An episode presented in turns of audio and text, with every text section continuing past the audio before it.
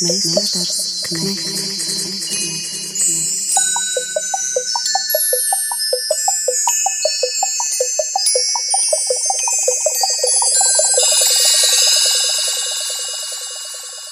Meistars Knechts. Sveicināti! Radījumā Mēsters Knekts šoreiz par Rīgas svētā Pētera baznīcu, jeb vienkārši, bet ar cieņu Pētera baznīcu. Pat labam baznīcas liktenis ir saimas deputāta rokās. Drīzumā uzzināsim, vai nams nonāks Latvijas evaņģēliskās luteriskās baznīcas pārziņā, vai paliks nenoteiktā statusā, bet faktiski Rīgas domas pārziņā, kā tas bijis līdz šim. Sarunbiedri būs vairāki, un viņus iepazīsim raidījuma gaitā. No tā bene sarunās tiks lietota abreviatūra LELB, tā ir Latvijas evaņģēliskā luteriskā baznīca. Un jā, diskusijas elements šoreiz neklātienē, un dažādu iemeslu dēļ dažs negribēja, dažs nevarēja, dažs vēlējās solo, cits veselības dēļ bija spiests palikt mājās.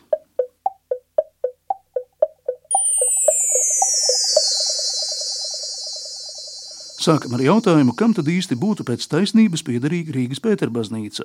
Lelba virsvaldes sekretārs Romāns Ganiņš un Rīgas domas deputāts Dāvis Stalts piekrita satikties divatā.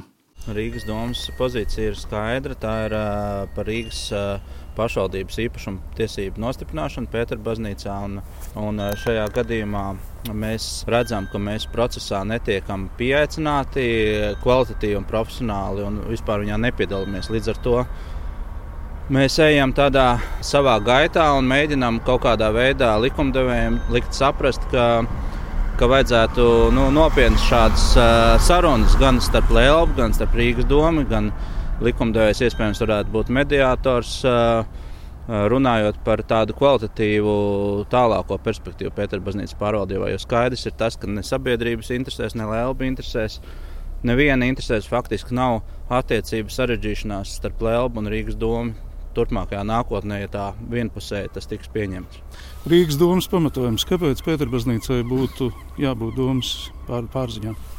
Vai ziniet, Rīgas rāte vēsturiski ir bijusi viens no, no Pēterbaznīcas saimniekiem, un Rīgas doma pēdējos 30 gadus ir valdītājs. Un, Un rīznieki ir atjaunojuši Pētera baznīcu faktiski no nulles, no drupām pēc kara, kas ir būtisks aspekts un kritērijs tam, lai mēs raudzītos uz šo ēku nedaudz citādāk nekā tā bija pirms tā tika iznīcināta. Rīznieku vajadzībām tirgotāji kopā ar Bīskapu Albertu jau arī sākotnēji cēluši, un tā viņas tirgotāju aura visu laiku ir nākusi līdzi šai baznīcai. Teiktu, viņi ir nedaudz citādāk nekā citas Rīgas baznīcas kuru īpašuma tiesības nav uzdrošinājusies apšaubīt nec Rīgas doma, nec valsts.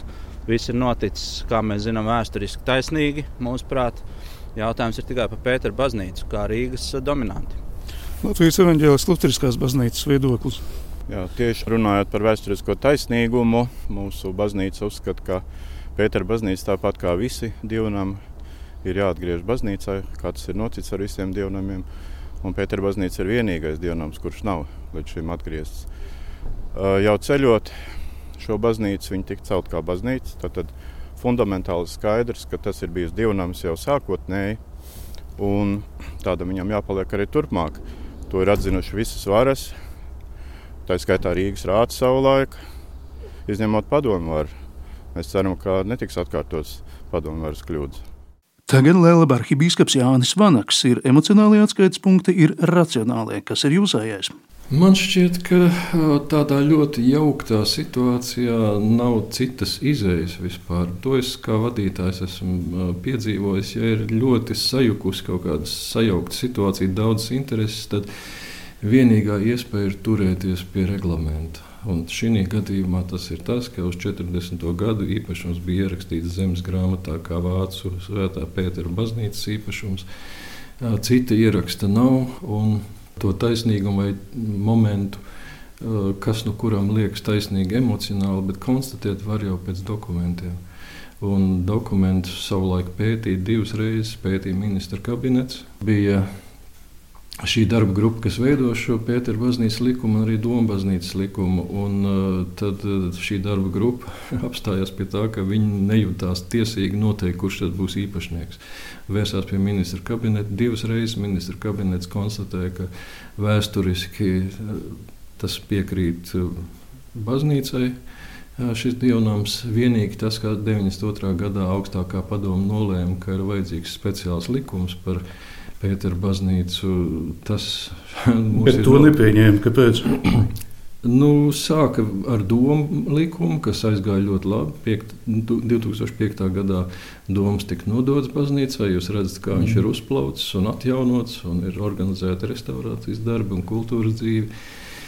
Ar Pētera baznīcu mēs domājam, nu tad pēc tam pabeigsim ar domu, tad ķersimies pie Pētera baznīcas. Bet tur bija Pētera baznīcas muzeja direktore Marijāna Ozoliņas kundze kas bija ļoti ietekmīga dažās politiskās aprindās. Tad tur sākās tas, ka Rīgas doma pēkšņi pieteica savas pretenzijas.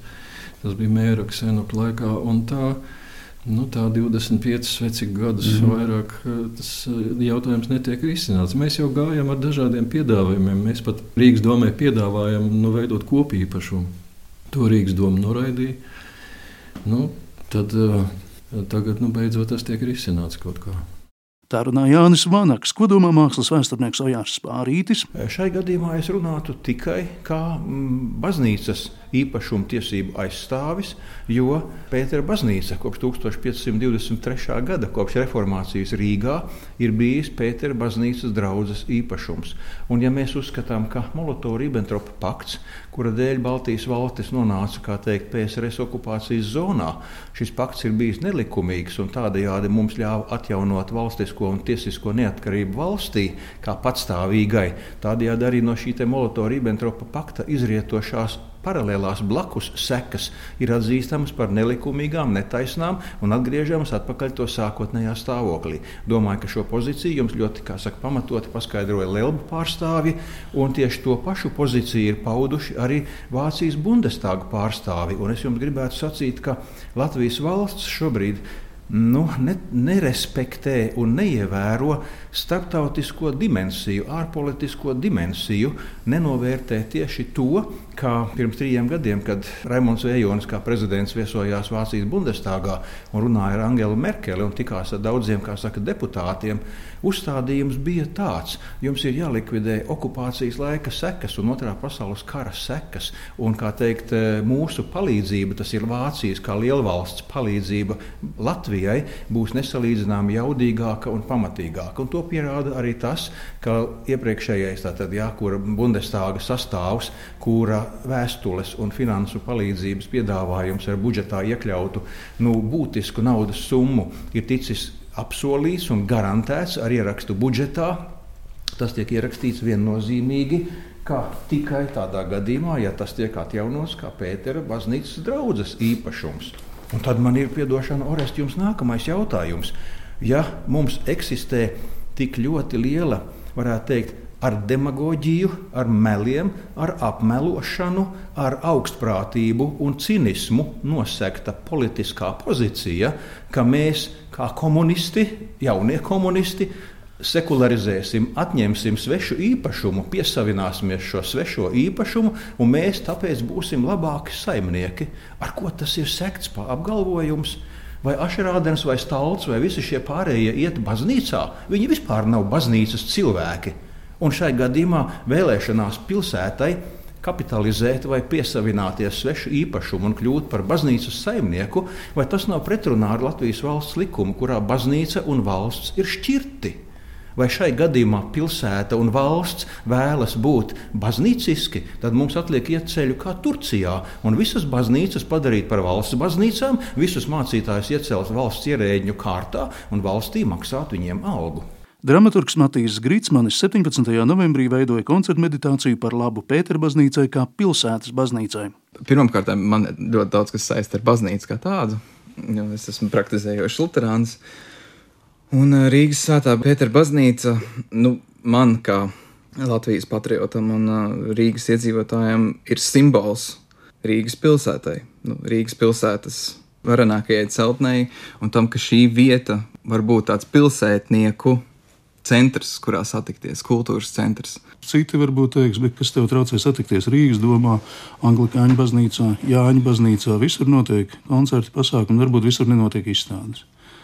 Nu, jā, tā, tā milzīga atšķirība ir tajā kultūras kontekstā, kas šeit celtnē piemīt. Šī, šī baznīca tika uzbūvēta apējot ļoti daudzas eh, padomju varas instances, un tas bija simbols tam, ka latviešu nācija vēl joprojām pastāv. Un ka viņa var pati šo simbolu atjaunot. Tad, tad tu runā par situāciju, kurā ir palicis tikai tāds siluets. Pēc otrā pasaules kara šī vieta neeksistēja. Tā Un bija pilnīgi dažas- iznīcināta vieta, un līdz ar to tas bija iznīcina, iznīcības simbols, kuram mēs izgājām cauri. Un tu izvēlējies šo ņemt par atskaites punktu tam, kas ir šobrīd. Jā, šī baznīca tika uzbūvēta pilnībā no jauna. Ar pilnīgi jaunu vīziju, ar pilnīgi citu mērķi. Tajā iesaistījās laicīgi cilvēki, ar laicīgām idejām, laicīgām domām, ar, ar domu atjaunot šo Rīgas vēsturisko monumentu. Un tieši ar tādu domu tam vajadzētu arī palikt. Jo okay, Pētera baznīcā ir ļoti sena vēsture, vai ne? Nav 13. gadsimta. Un jebkurā brīdī, kur mēs kā apskatīsim, mēs varam atrast viņai dažādus īpašniekus. Bet uh, nu, gan tiesībās, gan vispār cilvēka izpratnē par kultūru ir kaut kas tāds kā nepārtrauktība. 90. gadi un visa privatizācija un restitūcija un tā tālāk. Tas viss ir mēģinājums apvērst otrādi vēsturi, atgriezties pie kaut kāda momenta, kurā bija taisnīgāka pārvalde vai bija taisnīgāka sabiedrība. Bet tas laiks ir beidzies. Mēs esam noteiktā brīdī, labi, tie bija padomu laika, 73. gads, bet viņai bija noteikta vīzija, ka tai jākļūst par simbolu tam, ka mēs pēc kara esam atjaunojuši šo pilsētu, šo nāciju, ka mēs esam sadziedējuši tās brūces, ko karš ir izplēsis. Un tagad mēs varam arī atjaunot nu, vislielāko dominantu šajā pilsētā. Dramaturgs Matīs Gritsmanis. Ir leģenda, Pēterbaznīca uzcēla rīdzinieki, Saimnes izglītības, kultūras un zinātnes komisijas priekšsēdētājs Arvils Ašerādens. Es īsti nezinu, ko nozīmē Rīgas īpašums. Nu, un šis ir nekustamais īpašums. Sāksim ar to. Viņu neviens nekur prom netaisās nest, un viņi būs Rīgā un tajā vietā. Un, un tā teikt, viņi nekur no zemes virs nepazudīs, neiepakos viņu rozā papīrā un neaiznesīs. Tas ir pirmais. Tad tas nākamais ir, šis ir dīvains apgalvojums par Rīgu, jo, tajā baznīcā ir bijušas divi īpašnieki patiesībā. Ir, ja mēs skatāmies to viņu vēsturi no 13. gadsimta, tad sākotnēji tā ir bijusi katoļu baznīca, ja, un katoļu baznīcai piederīga. Un pēc tam, pēc reformācijas, tā ir Lutāņu baznīca. Tā ir Lutāņu baznīca, un tā ir Lutāņu baznīca līdz 39. gada, patiesībā līdz attiecīgi iebrukumam, tā teikt, padomju armijas iebrukumam Rīgā. Jā, un viens saistās tā ir bijusi Vācijas, piederīga Vācijas draudzēm, un tad līdz 39. gada vasarai. Un tātad pēc tam viņi ir bijusi, nekas nav izdarījis nekādas izmaiņas zemes grāmatā, viņi ir tikusi nodota Lutheriskajai baznīcai līdz tātad okupācijai. Pēc tam, protams, tas stāvoklis ir neskaidrs. Jā. Tā kā es gribu teikt, ka viņa primāri tā ir sakrāla celtne un piederīga baznīcai.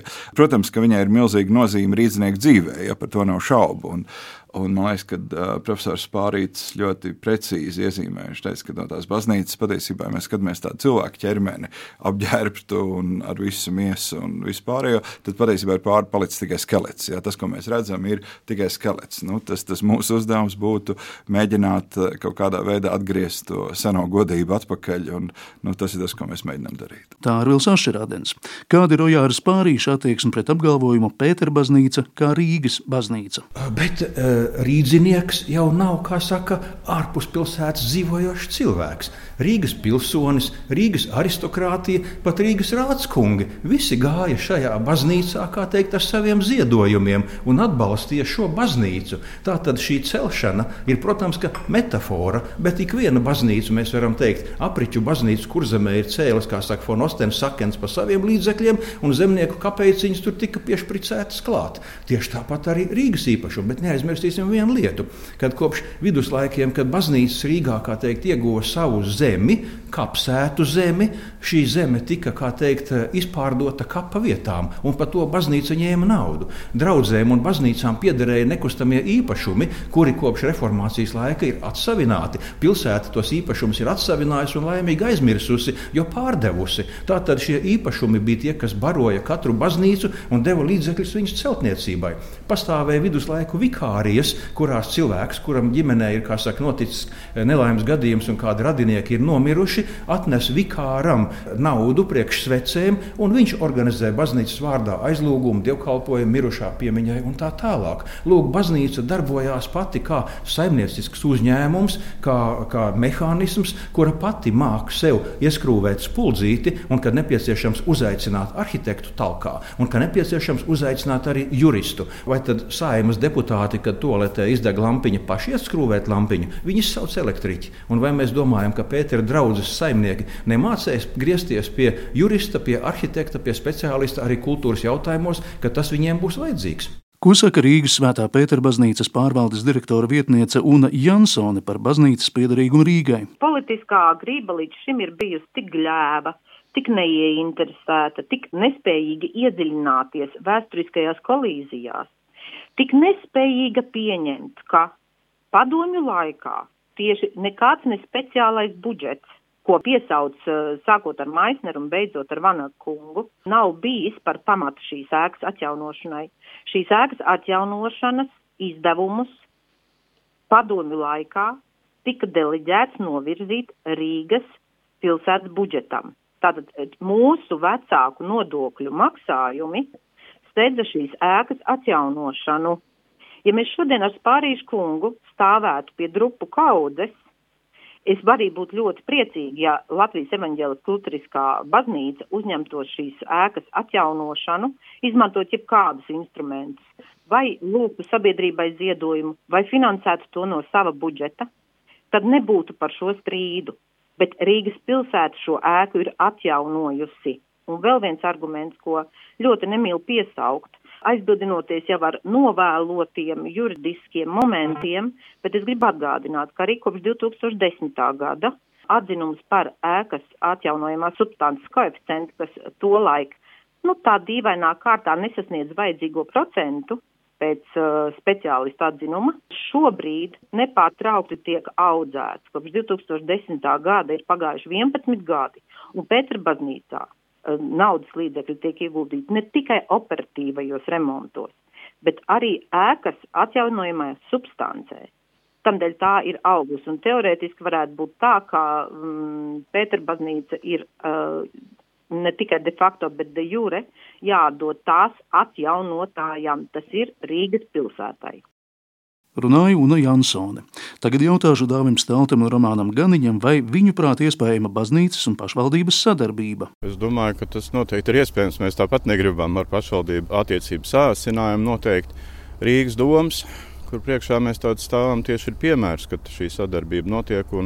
Es domāju, ka Pētera baznīcā var būt līdzīga. Bet pats galvenais, kā jau minēju, tā ir baznīca un reliģisko darbību, dievkalpošana Tur var nodrošināt tikai reliģiskās organizācijas, bet visā pārējā mēs ar Rīgas domu varam arī sadarboties. Bet kā ar šobrīd tur notiek reliģiskā darbība? Nu, ļoti ierobežota. Piemēram, vēsturiskais īpašnieks Vācu draugs netiek ielaists. Viņi notur dievkalpojumu šeit domā. Es gribētu komentēt, ka Vācu draudzē nevienu brīdi nav atteikts. Ja viņi vēlētos tur noturēt savus dievkalpojumus, lūdzu, nāciet un noturiet. Nu, tās attiecības kaut kādā vēsturiskā perspektīvā ir sarežģījušās, taču nu, mēs esam pretīm nākoši gan Vācijas draugai, gan Lielba kopumā. Un uh, Lielba Svētā Pētera draugs arī tāda tur darbojas uz vietas, un viņiem ir savs telpas tur un viss kārtībā. Runāja Lielba Birsvaldes sekretārs Romanis Ganiņš un Rīgas domas deputāts Dāvis Stalts. Meistars,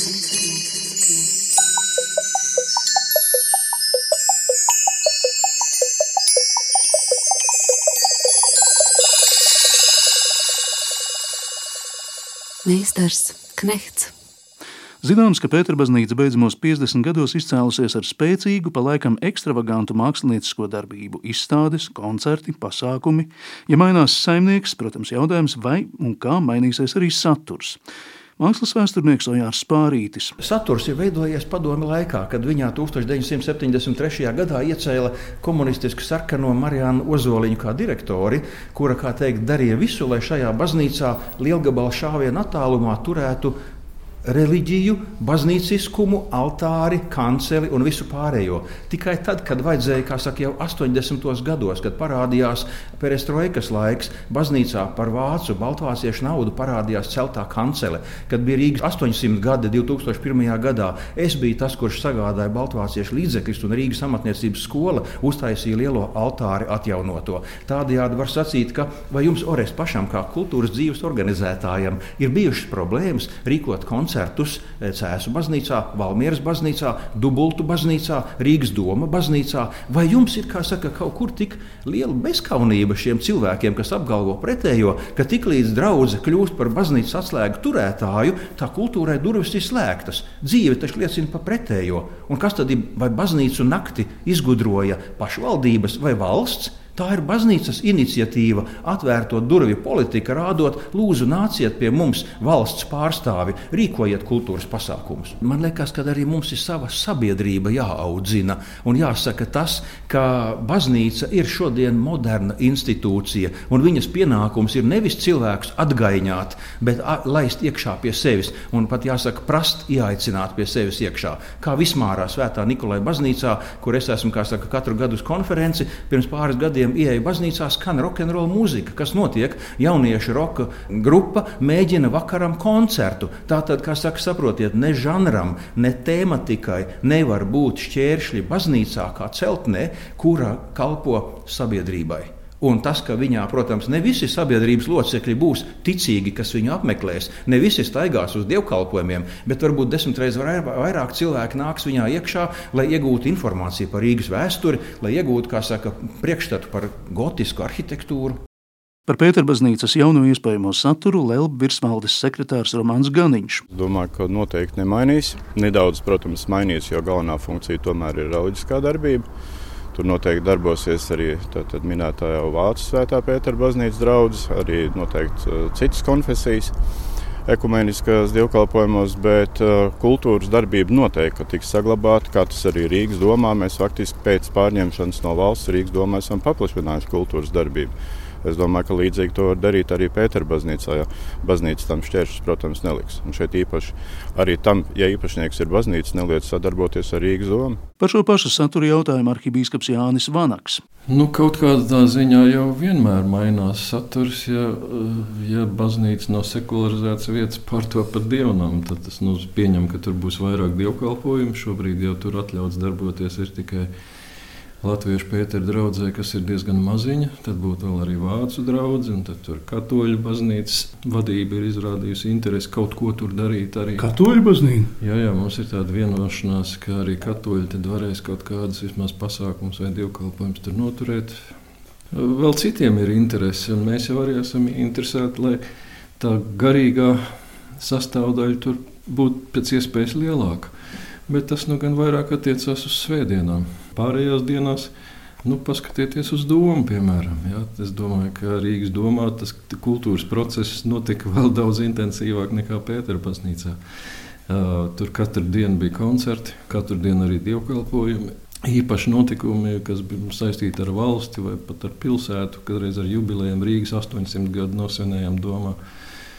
Un tad mums ir tāds pasākums kā domas bērniem kad domas tiek atvērtas ģimenēm, un bērniem un skolām. Tur sanāk 500 un vairāk, nu, tas pirms Covid ja, bērnu, lai nu, kaut ko saprastu par to, kas ir domas, vai ir kaut kādas citas interesantas tēmas.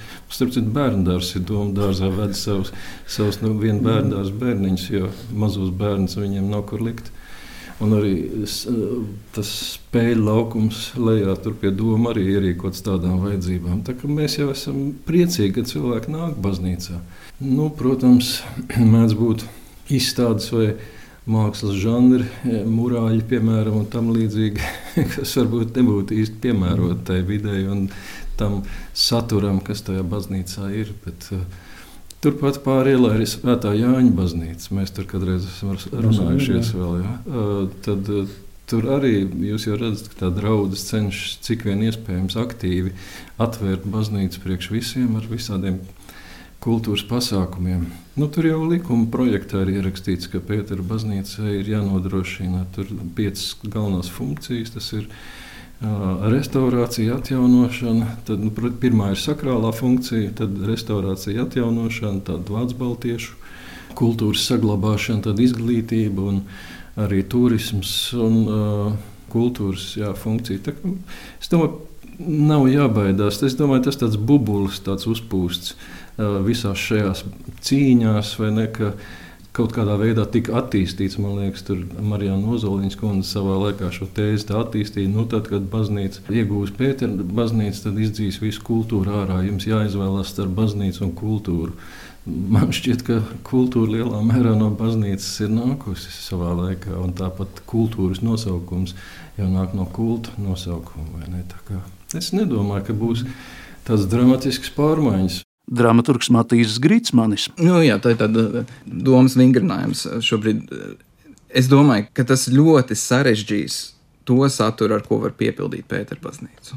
Jo Lutāņu baznīca ir pierādījusi, un es kā šīs baznīcai piederīgs cilvēks, varu to ļoti skaidri. Viņa ir pierādījusi, ka viņai rūp vairāk tas, kā viņa izskatās, tas, kā viņa var sevi parādīt, nekā rūpēties par saturu.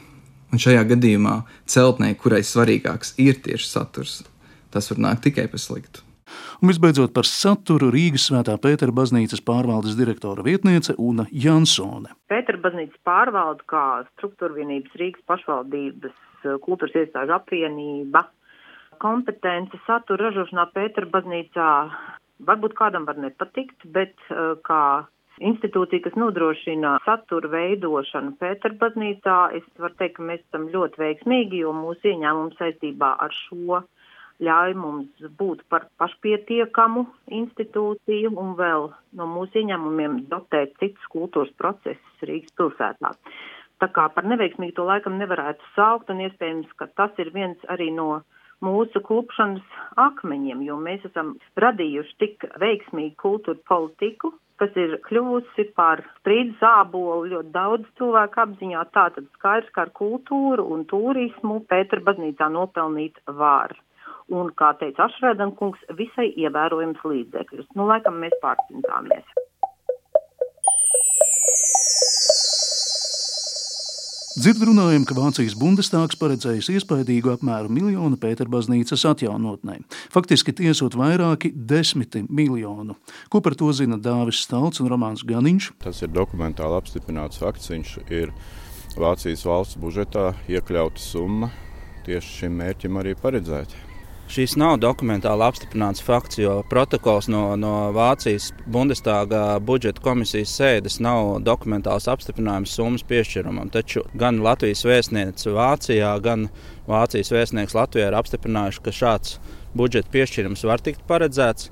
Viņš rakstisku atbildi vēl nesniedz. Nu, protams, viņi ir eh, dažādās sarunās eh, apstiprinājuši to, ka viņi nevar ietekmēt to, kas būs šī īpašuma īpašnieks. Tas ir sekundāri. Viņiem interesē pamatā kultūra vēsturiskā pieminiekta atjaunošana. Par 33 miljoniem tas ir eh, ļoti, ļoti zvaigznēs vēl rakstīts uh, cipars, jo tur uh, notiek dažādi veidi interpretācijas, manipulācijas ar šiem cipariem. Katrs stāsta kaut ko citu rakstisku apstiprinājumu. Tāda un tāda programma, tādā un tādā termiņā, tādā un tādā secībā par to un to nav. Nu ir skaidrs, ir bijis Bundestāga balsojums. Mēs pat sekojam līdz debatēm Bundestāgā. Un šis Bundestāga balsojums ir ir tāpat kā saimnieks nobalso par valsts budžetu. Tas ir iekļauts gan šī un nākamā gada budžetu un vidējā termiņa, kā mums salīdzinoši ar mūsu valsts budžetu varētu teikt. Tā kā šī summa ir paredzēta, tas, kas mums ir ticis atbildēts līdz šim šaubas bija, vai nodibinājumu varētu. Jo bija skaidrs, ka Bundestāgs lēma pamatojoties uz mūsu Vācijas svētā Pētera baznīcas draudzes iesniegumu un priekšlikumu pasākumu. Un tie visi ir pieejami arī dokumenti pie šīs budžeta komisijas minētās. Tikai balstoties uz to arī bija šis balsojums, ka tieši Pētera baznīcas atjaunošanai šie 33,5 miljoni ir paredzēti. Un ir skaidri tur ierakstīts šai budžeta pozīcijā, ka tas ir vācu diasporām, tātad, respektīvi, vācu draugai tas bija paredzēts, bet tad, kad mainījās situācija un mūsu saima lūdza veidot nodibinājumu, tad radās jautājums, vai tāds nodibinājums Nu, bet tā kā vācu draugai tur ir šis procentuālais skaits valdē un padomē, tad visticamāk arī tas būs. Vismaz mutiski mums šāda apliecinājuma ir. Atgādiniet, lūdzu, īsi, kas ir nodibinājuma sastāvā. nodibinājumu ir veidojuši Latvijas Evanģēlis Lutheriskā baznīca un Latvijas Evanģēlis Lutheriskās baznīcas Vācijas Svētā Pētera baznīcas draugs. Un cik konkrēti ir cilvēki, kas lemj, nosaka? Pieci cilvēki ir valdē un, un astoņi padomē. Vai Rīgas domē ir ar šo nodibinājumu kāds dialogs? Nav nekāda dialoga, un būtībā šād, šī nodibinājuma izveide mūsu ieskatā ir fikcija. Tas būtībā ir tā pati vācu draudzene, tikai citādākā virknējumā. Un, sākotnējā ideja, kas nāca gan no Tieslietu ministrijas, gan no valsts prezidenta, atgādināšu, ka šī ideja jau ir sena. Viņa ir parādījusies ik pa laikam, jau sākot no 2008. gada, ka varētu Lutāņi kopā ar Rīgas domu ar valsti iet uh, vienā nodibinājumā. Es atkārtošos tad šīs vēsturiskās intereses tiktu pilnībā atzītas un respektētas. Šeit ir Tieslietu ministrijas 6. gada 1. mārta informatīvais ziņojums. Viņu darba grupa uzskata par iespējamiem trīs risinājumu variantus. Nostiprina uz Rīgas domas vārdu, nostiprina uz Lēlbu vārdu vai nostiprina uz valsts vārdu. Tātad ar to viņi ir atzinuši, ka šīm trim juridiskām personām būtu būtībā tiesības pretendēt. Tur nav ne vārda par Vācijas svētā Pētera draugu un arī par nodibinājumu. Tā kā valsts prezidents Egils Levits savā 2021. gada 8. janvāra vēstulē komisijai Pēc mana ieskata šim nolūkam varētu veidot atsevišķu nodibinājumu, kurā piedalītos Latvijas Republika, Rīgas pašvaldība, Latvijas evaņģēliskā Lutriskā baznīca, iesaistot Latvijas evaņģēliskās Lutriskās baznīcas Vācu svētā Pētera draugu. Tā tad eh, nu, nevienu brīdi nav ticis domāts par to, ka varētu not, tikt veidots nodibinājums faktiski starp vienas eh, juridiskās personas divām daļām, jeb šī lēlba baznīca un lēlba eh, vācu svētā Pētera draugs, kas ir, nu, manuprāt, diezgan nekorekti. Tad domas prāt fikcija, ko baznīca? Pirmkārt jau ir skaidrs, ka tā kā arī šī likuma projekta anotācijā joprojām ir rakstīts, ka līdzīgi kā pārējos dievnams ir jāatgriež baznīcai, vajag anotācijā paskatīties precīzu tekstu. Un otrkārt par nodibinājumu jau visas pārējās puses līdz šim ir bijušas noraidījušas. Tā skaitā es atkārtošos to, ko arhibīskaps minēja Sarbītais sarunā klāt, kad ar Staķu kungu mēs tikāmies. Tāds Staķu kungs atbildēja, ka Rīgas doma nav ieinteresēta šādā nodibinājumā. Un Es domāju, ka tas arī ir loģiski, jo nu, būtu diezgan pagrūti acīm redzot šādu nodibinājumu, kur būtu vairākas dažāda rakstura organizācijas iesaistītas. Šai gadījumā ir divas reliģiskās organizācijas, kuras arī var nodrošināt reliģisko darbību kā pamatfunkciju. Es eh, arī biju šajā sarunā. Netika noraidīta nodibinājuma ideja pēc būtības, bet eh, tika noraidīts tā brīža kaut kāds kopējais skatījums, ka vienkārši reliģiskai organizācijai un uh, pašvaldībai ir jāiet kopā vēl nezināmā nodibinājumā. Tās nebija profesionāls veidotas sarunas un nebija nekāda veida tikus veikt juridiskā izpēta par šo nodibinājumu saturu un, un juridisko tādu konstruktu. Šobrīd ir vairāk nekā skaidrs, ka ir iespējams scenāriji, kādā veidā Rīgas domē atbildēt par šo kultūra procesu, kas ir sabiedrībā nepieciešams atstājot visas reliģiskās darbības, ne tikai Lielu, bet Latvijas Lutāņu pārziņā.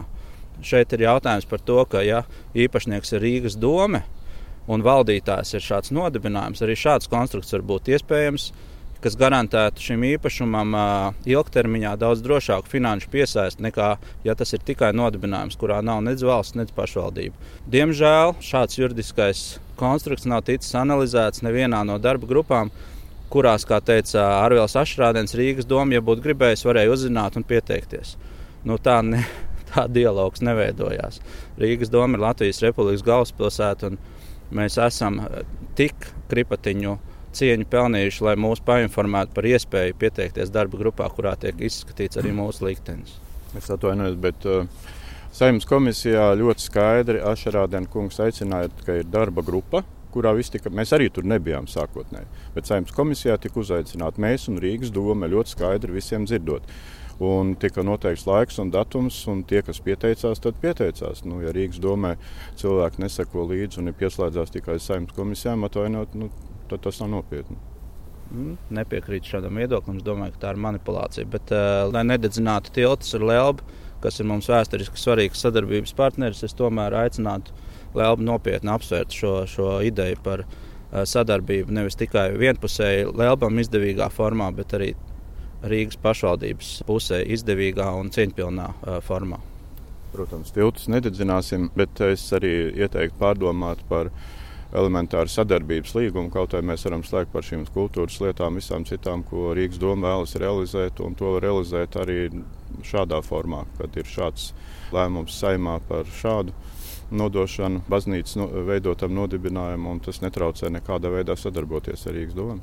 Un mēs turpinām ar divu atšķirīgu nostāju pārstāvjiem - Lēlu virsvaldes sekretāru Romānu Ganiņu un Rīgas domas deputātu Dāvis Taltu. Gribētu nocitēt valsts prezidenta 6. aprīļa vēstuli izglītības komisijai Sēmas, kur uh, viņš uzsver, ka vērš jūsu uzmanību ka augstākā padome izlēmjot jautājumu par īpašumu tiesību atdošanu reliģiskajām organizācijām, īpaši noteica, ka šis likums neatiecas uz Rīgas Doma baznīcu un Rīgas Svētā Pētera baznīcu. Ņemot vērā, ka abas baznīcas ir valstī īpaši nozīmīgi kultūras pieminekļi, augstākā padome paredzēja, ka par šīm baznīcām likumdevējiem jālēm ar atsevišķu likumu. Šāda atsevišķa likuma galvenais mērķis, un te uzmanīgi klausieties, nav un nevar būt vienkārša īpašuma tiesība atjaunošana. Jo tādā gadījumā atsevišķs likums nemaz nebūtu vajadzīgs, un to varētu paveikt likuma par īpašumu atdošanu reliģiskām organizācijām noteiktajā vispārējā kārtībā. Šis ir būtisks aspekts, ko ir uh, mūsu konstitucionālā uh, tiesība eksperts valsts prezidents Egils Levits ir pieminējis ka šeit neiet runa tik daudz par īpašumu tiesību nostiprināšanu tā vēsturiskajam valdītājam, kā par to ilgspēju, lai šī ēka un tās kultūras un reliģiskais saturs saglabātos. Ja mēs runājam par sadarbību starp Lēlbu un Rīgas domu, Rīgas doma baznīca, jeb doma baznīca uh, ir pilnīgi cits stāsts. Rīgas doma nekad nav pretendējusi uz īpašumu tiesībām doma baznīcā. Un, uh, Mūsu sadarbība, protams, kultūras procesā notiek caur uh, projektu konkursiem, kuros piedalās Liela partneri Ascendum, kas organizē kultūras procesu šajā baznīcā. Bet Rīgas Svētā Pētera baznīcā tur ir pavisam cits stāsts. Tur šis kultūra process notiek daudz fundamentālākās apmēros.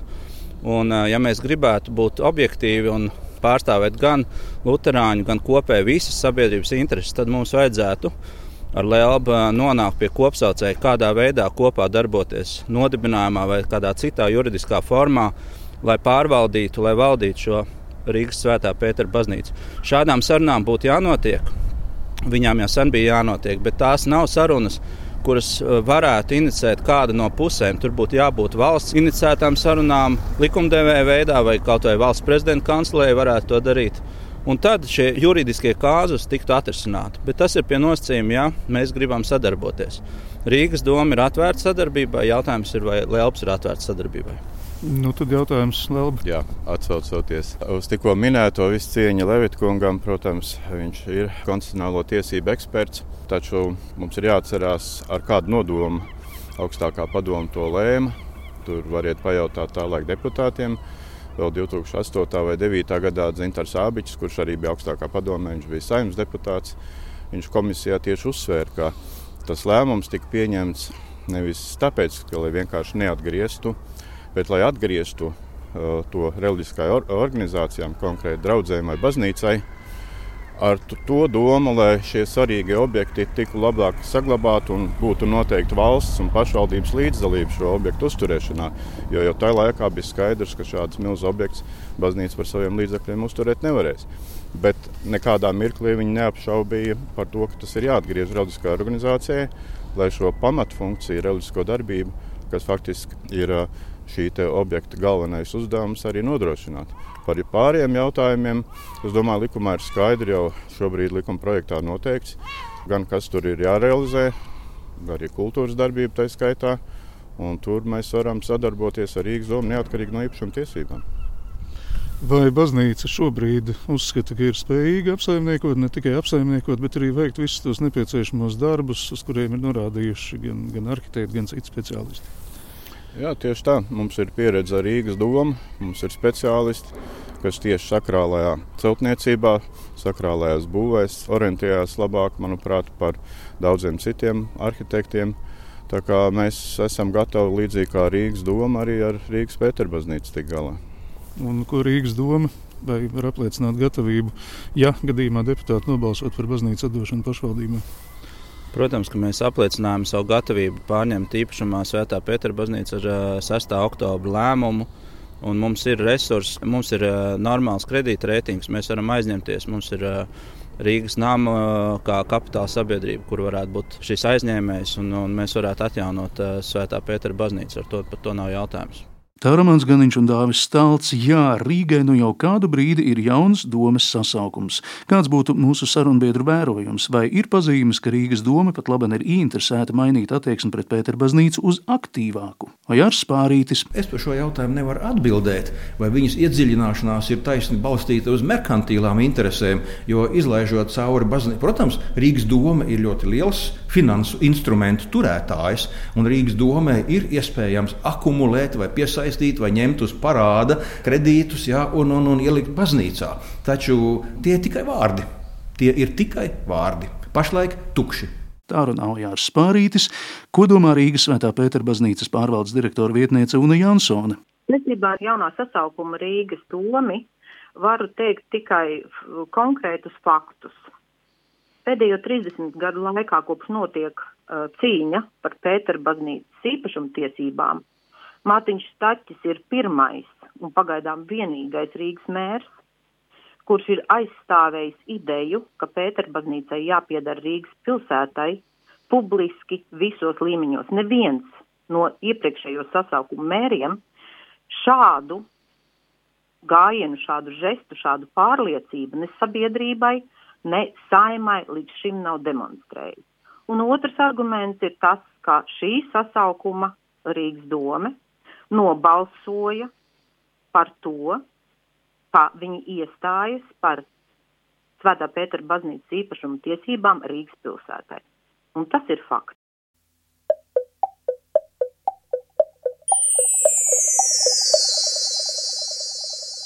Skan redzējums Mēsters Knekts pie mikrofona Orests Silabriedis un mazliet attālinoties no šodienas paskatīsimies uz Pētera baznīcas pagātni. Arhibīskaps Jānis Vanaks mums dod skici par reformācijas laikiem. Nu, man jau liekas tā ļoti sekli ja, uztvert Rīgas Pētera baznīcu kā teiksim, simbols tornis tur panorāmā vai teiksim, izstāžu koncertu zāli. Ja. Tas arī no kultūras viedokļa ir ļoti seklis, teikt, jo Reformācija taču ir viens no lielākajiem notikumiem kultūras vēsturē. Ja tur nav tikai par teoloģiju runa, tas radīs visu saucamo protestantu ētiku. Visu ziemeļu un lielu daļu rietumu Eiropas ir izveidojusi reformācija. Latvijā brāļu draugu kustība arī izriet no reformācijas. Ir vēsturnieki, kur saka, ka Latvija ieguva neatkarību tikai tāpēc, ka caur brāļu draugiem viņi sāka prast organizēties un uztvert sevi kā tautu, kā, kā nacionālu tādu identitāti. Reformācijas nozīme ir milzīga pasaules kultūras vēsturē. Un Rīga pēc pat dažu vācu profesoru vēstures profesoru domām ir pirmā pilsēta, varbūt pēc Vitsenbergas, kas ir pieņēmusi reformāciju nu, tādā oficiālā veidā. Ar rātas lēmumu un ieceļot saka, luterisku mācītāju Rīgas Pētera baznīcā, Andrēs Knopkins. Mm. Un 1522. gadā tur sākās visa Baltijas reformācija Pētera baznīcā ar disputāciju starp Andrēs Knopkinu un un katoļu teologiem un Rīgas rādskungu klātbūtnē. Tur var teikt, viss sākās, un Rīga varbūt ir reformācijas sākotne visā pasaulē. Šo stāstu vajag stāstīt. Tas ir tas, ko vajadzētu attīstīt Pētera baznīcā, kas Rīgu padarītu par unikālu vietu Koncerts zāles mums vēl būs, akustiskā koncerta zāle uzbūvēs, un vēl kāds būs. Bet šāda reformācijas muzeja vieta, piemēram, kas var kļūt par svētceļojumu mērķi vispār, tādas citas gan nebūs. Un būtu ārkārtīgi bēdīgi, ja šo izcilo vēsturisko, kultūru vēsturisko ideju samaitāt ar kaut kādām mūsdienu izgudrojumiem par kaut kādu ekumenisku kultūru baznīcu vai vēl kaut kādas tādas domas es esmu dzirdējis, ko nu, varbūt tur Rīgas domnieki daži gribētu tur darīt un tam līdzīgi. Pašvaldības baznīca, oksimorons vai tomēr realitāte Matīs Grīsmanis. Nu, nav tā, ka tas ir īpašs gadījums, vai ne? Pasaulē ir ļoti daudz uh, šādu piemēru, kur uh, pašvaldības uh, pārvalda vai, tas, vai valsts pārvalda noteiktus objektus, kultūra vēsturiski nozīmīgus objektus, tā iemesla dēļ, ka baznīcas uzdevums nav rūpēties par mājām. Baznīcas uzdevums ir rūpēties par dvēselēm. Un, ja Latvijas Lutheriskā baznīca šobrīd ir pievērsusies tam, ka viņai ir svarīgi rūpēties par mājām, nu, tad man šķiet, ka viņa ir pārvērtusies par nekustamā īpašuma apsaimniekošanas firmu. Man liekas, ka Bībelē ļoti skaidri pateikts, ka ķēzaram ir tas, kas ķēzaram pienākās, un dievam ir tas, kas dievam pienākās. Un dievam pienākās mūsu dvēseles, nevis tās mājas, kurās mēs satiekamies. Šī celtne viņai kopš 90 gadiem nav juridisks status, tā ir bezsaimnieka manta, vai nekā ir vēl joprojām ar daudziem objektiem Latvijā. Tev to pašu uzvaras pieminekli. Un uh, tā ir neizdarība no valsts puses, ka tā nav skaidri deleģējusi, kam par to ir jārūpējas. Rīgas pašvaldība ir to darījusi savās iespēju robežās, bet tāpat tās tā pašvaldība nevar uh, apsaimniekot objektu, kurš viņai nepieder. Ojārs Pārītis īsi par Pēterbaznīcas pašreizējo stāvokli. Viņi izskatās ļoti nabadzīgi un ļoti slikti, jo patiesībā sakot, eh, tas padomi laika celtniecības materiāls, ar kuriem tika restaurēta kopš 960. gadu vidus šī baznīca, ir bijis ļoti sliktā kvalitātē, tāds erzats materiāls, un, protams, gan betons, gan stiegrojums, gan metāls, gan tā laika izpildes tehnika un tehnoloģija šodien baznīcā ļauj konstatēt visus tos defektus, par kuriem runā arhitekts Pēters Blūms. Sienas lobās, jumts e, caurs, dzegas nodrupušas, e, siltuma, ventilācijas, elektrības ietaisas, visa infrastruktūra ir sabrukusi. Tātad šī māja turās, varētu teikt, tā kā vecās mūžas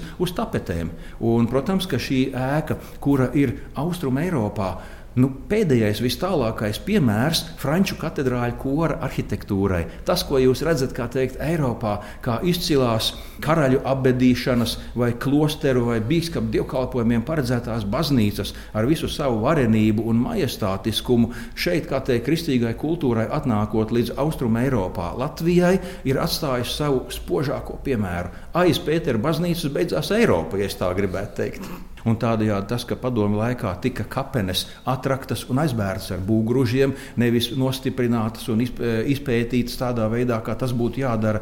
Pamati nav nekādā veidā nostiprināti pret ārējā mitruma iedarbību, kas arī nav veikts, un, un, un logu bojāšanās, eh, vēlvju bojāšanās. Tas ir saka, process, ar kuru ir, kur, kurš ir jāmonitorē, kurš ir jāpārbauda. Un tam ir nepieciešams, protams, gan projekts, gan arī steigšas, kā teikt, tādi nu, ārkārtas glābšanas glābšanas darbi. Tas varbūt nenozīmē to, ka baznīca būtu jāslēdz pilnīgi ciet. Iespējams, ka viņu var līdzīgi tā kā Eiropā restaurē baznīcas, daļu baznīcas izmantot un daļu baznīcas turēt, kā teikt, remonta un restaurācijas režīmā. Bet, bet es jums neņemos galvot, kāpēc Rīgas ugunsdzēsēji bija aizlieguši eksploatēt torni. Jā, tādējādi mums ir jāsaka, ka no acīm redzot arī lifts, kurš ierīkots 70. gados un varbūt drusku vēlāk ir ticis atjaunots, nu nav tādā perfektā stāvoklī, lai varētu nodrošināt cilvēkiem eh, kvalitatīvu augšā uzbraucienu. Un piedodiet arī tās mežonīgās nu, zooloģiskā dārza restes, kuras atrodas augšā skatu laukumiņā,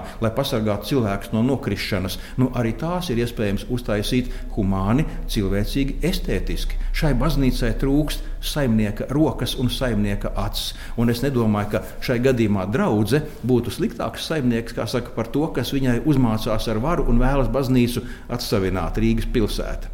Vēl arī jautājums, vai cilvēki vispār pamanīs, ka Pēterbaznīcai mainījies saimnieks? Es domāju, ka cilvēki nepamanīs, un es šajā gadījumā varu piekrist argumentam, ka nu, neviens tāpēc nepievērsīsies Lutera ticībai, vai ne tāpēc, ka Rīgas svētā Pētera baznīca piederēs Luterāņu baznīcai. Tas ir pilnīgs muļķības, un lielākā daļa, nu labi, es ne, neteikšu lielākā daļa, bet liela daļa. Lutāņu baznīcas ir samērā pustukšas. Nu, nerunājot tagad par Covid apstākļiem, vai ne? Bet uh, tas, ko mēs redzam, tā tendence tomēr ir par sliktu baznīcai. Vispārēji tendence. Cilvēki kļūst aizvien profānāki, jo cilvēkiem mazāk, mazāk viņi tiek aicināti uz baznīcu, mazāk viņi arī dodas. Un tas, ka tagad tur būs viens jauns īpašums, neko neglābs šajā tendencē. Un es ieteiktu Lutāņu baznīcai vairāk pievērsties nu, tam darbam, kas, kas viņiem ir jāveic, nevis meklēt jaunas īpašumus. Nu, nu, nerunājot par to, ka jau pirms nu, desmit gadiem ir pagājuši kopš lielā kapa situācijas. Kad uh, Lutāņu baznīca tieši mēģināja atkritīties no viena īpašuma, un tas, kā viņi to darīja, man šķiet ļoti labi parāda arī, kā viņi attieksies pret Pētera baznīcu. Tas ir nu, pirkt un pārdot, tas ir īpašuma vērtība kā tāda, vēsture viņiem neinteresē nu, tas es arī viņus saprotu. Nu, viņiem neinteresē, tāpēc ka tas, viņiem ir jārūpējas par tiem cilvēkiem šeit un tagad. Bet valstī un pašvaldībai gan ir uzdevums rūpēties par to pārmantojamību, kas mums ir. Un tā ir viena ļoti svarīga funkcija, ko mēs nevaram uzticēt baznīcai. Tā runāja Matīs Grīsmanis. Arvilam Ašaradenam jautāja par Pēterbaznīcas likumprojekta turpmāko gaitu. Likuma projekts šobrīd ir sagatavots otram lasījumam, un tātad saima tātad viņi skatīs nu, nākamajās nedēļās. Tad viņš ir atdots prezidijam, tad prezidijs pieņems lēmumu. Tas var būt šonadēļ, un tikpat labi tas var būt arī kādu nedēļu vēlāk, bet tam jau vairs nav nozīmes. Tad saima sāk skatīt otrajā lasījumā, un tā lielā izšķiršanās būs, ko mēs arī saimai lūgsim, tad ir izšķirties, kam mēs nododam baznīcu. Un tad, ja saima pieņems lēmumu par labu vienam vai otram. Divi likumā ir iestrādāti tehniski divi pretendenti. Tad viens ir nodibinājums, ko izveidos Latvijas Lutheriskā evaņģēliskā baznīca kopā ar savu draugu, Vācijas draugu, un otrs ir Rīgas pilsēta. Tā, tā būs. Saimē būs jāizšķirās. Saimnes izšķiršanās, jā. jā. Tā ir saimnes izšķiršanās. Spekulācija, protams, bet jūs jūtat, kāds ir noskaņojums. Vispirms es gribu teikt, ka viņš nebūs tāds politisks balsojums, ka tur viena partija, otra vai trešā. Šī ir reliģiska lieta, un parasti reliģiskās lietās ir brīvie balsojumi saimā. Tas nav saistīts ar lojalitāti partijai. Ja? Viņš ne, ne, nu, ir atsevišķi frakcijas ir ieņēmuši tādu stingru frakciju nostāju, bet lielākoties frakcijas visas saka, ka viņām būs brīva balsojuma, deputāti balsos pēc savu tā teikt, kā viņi to redz. Un, un nav tā, ka es būtu gājis tagad prasīt. Nu, ko tu, kā tu redzi, vai kā, kā es. Es tikai varu pateikt, šobrīd, kad komisija ir izšķīrusies ar lielu balsu vairākumu par labu Latvijas evanģēlas Lutheriskās baznīcas veidotam nodibinājumam, tā kā nu redzēsim, kā lems saima. Komisijas eh, pieņēmumam taču ir diezgan liels iespējas uz gala balsojumu. Tā tas ir, bet tas ir saistīts, kā jau teicu, tas ir saistoši koalīcija. Teiksim, tā, ja tas ir tie politiski balsojumi, tad koalīcija, protams, ievēro komisijas eh, lēmumus, jo komisijā vairākums ir koalīcijas deputāti. Ja. Šī mm. nebūs tā reize, tā kā es gribu teikt, ka eh, te viss ir eh, tā teikt, tā augstākā rokās. Jā. Jā, tā tas arī piedienas, kad runa par dievnamu. Protams, tā būs tīra spekulācija, tomēr par balsojuma prognozēm jautāju arī Romanam Ganiņam un Dāvim Steltam. Tas eh, atkarīgs no ļoti daudziem apstākļiem, nezināmiem. Viens no ļoti būtiskiem apstākļiem, vai mēs vēl sēdēsim pie viena sarunu galda profesionāli ar Lēlbu, ko es uzskatu, kas mums būtu jādara tad varētu pavērties kaut kāds cits scenārijs, iespējams, vai tāds uh, plašākai sabiedrībai arī kompromiss variants. Nu, ir vēl scenāriji, ja Vācija beigās nepiešķir šos, šo finansējumu, tad sākas arī kaut kādas citādākas domu vētras varētu būt. Protams, ir scenārijs, ka viss aiziet tā, kā šobrīd ir plānots, un trešajā lasījumā tiek apstiprināts uz esošā tā nodibinātā nodibinājuma vārdu. Nu, tu viss ir Dieva rokās. Es negribu prognozes izteikt. Viss jau saimā būs balsojumā, tā redzēsim. Bet, nu, jebkurā gadījumā, vai tas ir otrā vai ja jau uz trešo lasījumu, es domāju, ka mēs ar Rīgas domu noteikti varam atvērt kādas sarunas par to, kādā formātā sadarboties priekšā. Tā runāja Arvils Ašerādens, Romāns Ganiņš un Dāvis Stālts. Raidījums par Pēteru baznīcu gandrīz galā, vēl tikai daži saistībā ar šo dievnamu personiski vērojumi vai sajutumi. Šo jautājumu uzdeva trim sarunbiedriem. Vispirms mākslas vēsturnieks Ojārs Spārītis.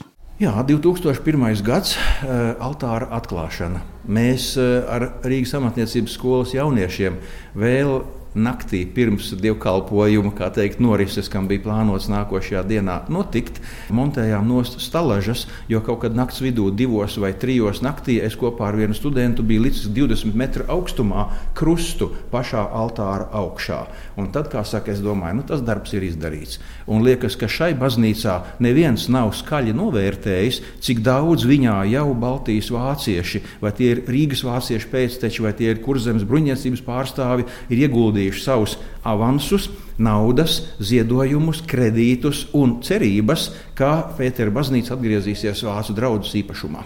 Tāds ir Rojārs Pārīša piedzīvojums, ko teiks Rīgas Svētā Pētera baznīcas pārvaldes direktora vietniece Unija Ansone. Tas ir sens un mistisks moments. Redzēs, mācījos Rīgas trešajā gimnāzijā un caurām dienām, sēžot skolas stolā, sakotnēji vēroju atjaunoto Pētera baznīcu un ceriņu skvēru pie tās Pētera baznīcas ielā. Vēlāk es uh, vēroju arheoloģisko izrakumu norisi no tās pašas trešās vidusskolas logiem. Tad 90. gada sākumā, kad es strādāju LNT, pie manis atnāca uz interviju Marijāna Ozoliņa, un tā mēs pavadījām ar viņu kopā katru rītu studijā laiku cīnoties un piesaucot sabiedrību iestāties par to, ka Pēterbaznīca ir jāpiedara Rīgai, jo Rauga Marijā Nozoliņa savulaik 91. gadā tā bija viņa, kas uzaicināja Juri Rubeni 91. gadā noturēt atjaunotajā Latvijā pirmo dievkalpojumu Pēterbaznīcas sienās, kas kļuva par pamatu eh, draudzes dibināšanai Pēterbaznīcā. Emocionālākais piedzīvojums, mans personiskais, ir dāvinājums no profesors Ventas Šidlovskas, kas ir Rīgas vēstures pārzinātāja, sargātāja un, un krājēja, dāvana pēc vienas ekskursijas Pēterbaznīcā. Viņa atvēra mazu kastīti un pateica, es negribu, ka tad, kad es aiziešu, šis paliek vienkārši manā arhīvā mājās. Es tev dāvinu lielu lausku no Pētera Saulīša kristāla kausa, kas toreiz saplīsa cīkās lauskās, sludinot par to, ka Pētera baznīcas tornis stāvēs cerams mūžīgi. Tagad šī lauska glabājas Pētera baznīcas pārvaldē. Tā un Jansone un visbeidzot saimas deputāts Arvils Ašeradens. Man emocionāli saista Patiesībā pēdējo laiku notikumi tā, veidoja debati par šo kultūru vēsturisko pieminiekli, par viņu likteni. Es lūdzu Latvijas Nacionālajai Bibliotēkai izveidot ārpus politiskās vidas eh, tādu kultūras cilvēku debati par šo. Un, uh, viņi ir ārkārtīgi interesanti. Tas sarunas par Pētera baznīcas vīziju, kam tur vajadzētu būt. Es lūdzu arī abstrahēties no īpašumtiesību jautājumiem, jo tad es iegūtu citu vai nenokrās. Tad divas lietas, kas man emocionāli ļoti uzrunāja Tā viena ir tā mūsu nezināšana par šo baznīcu, ko viņi sevī slēpj, kādas bagātības, kādas notikumus. Un, kā jau teicu, Pārīša kunga tā metāfora, ne, ka ir palicis pār tikai skelets no tā visa, un mūsu pienākums būtu atjaunot, cik neiespējams to visā savā godībā.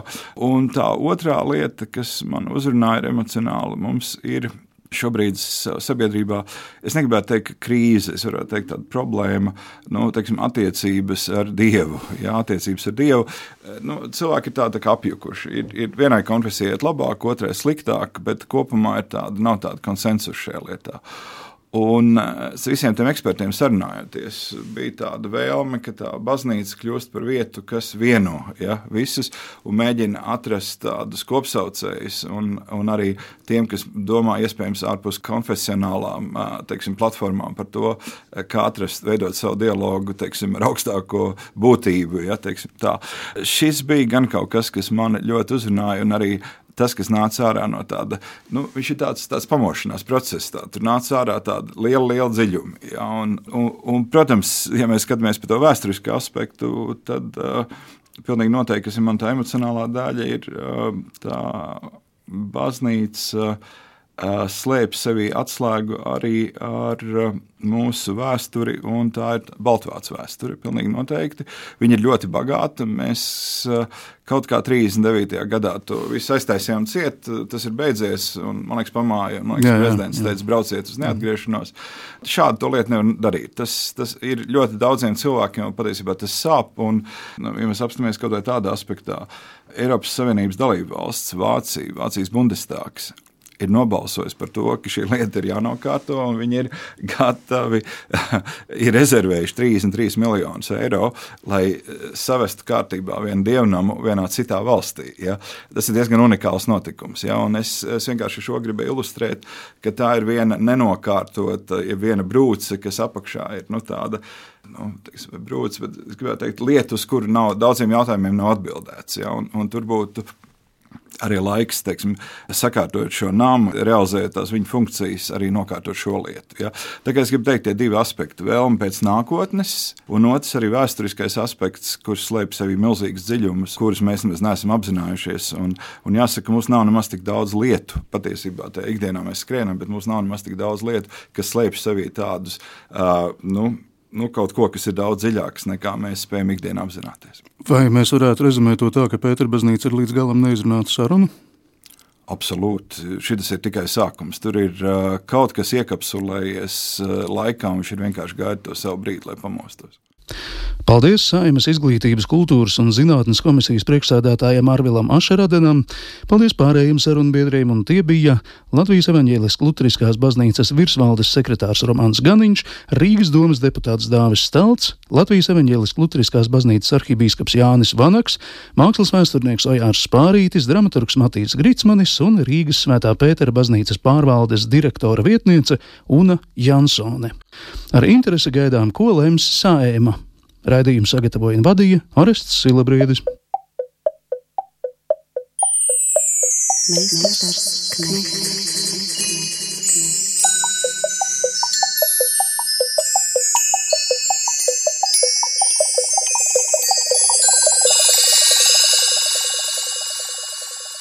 Meistars Knechts.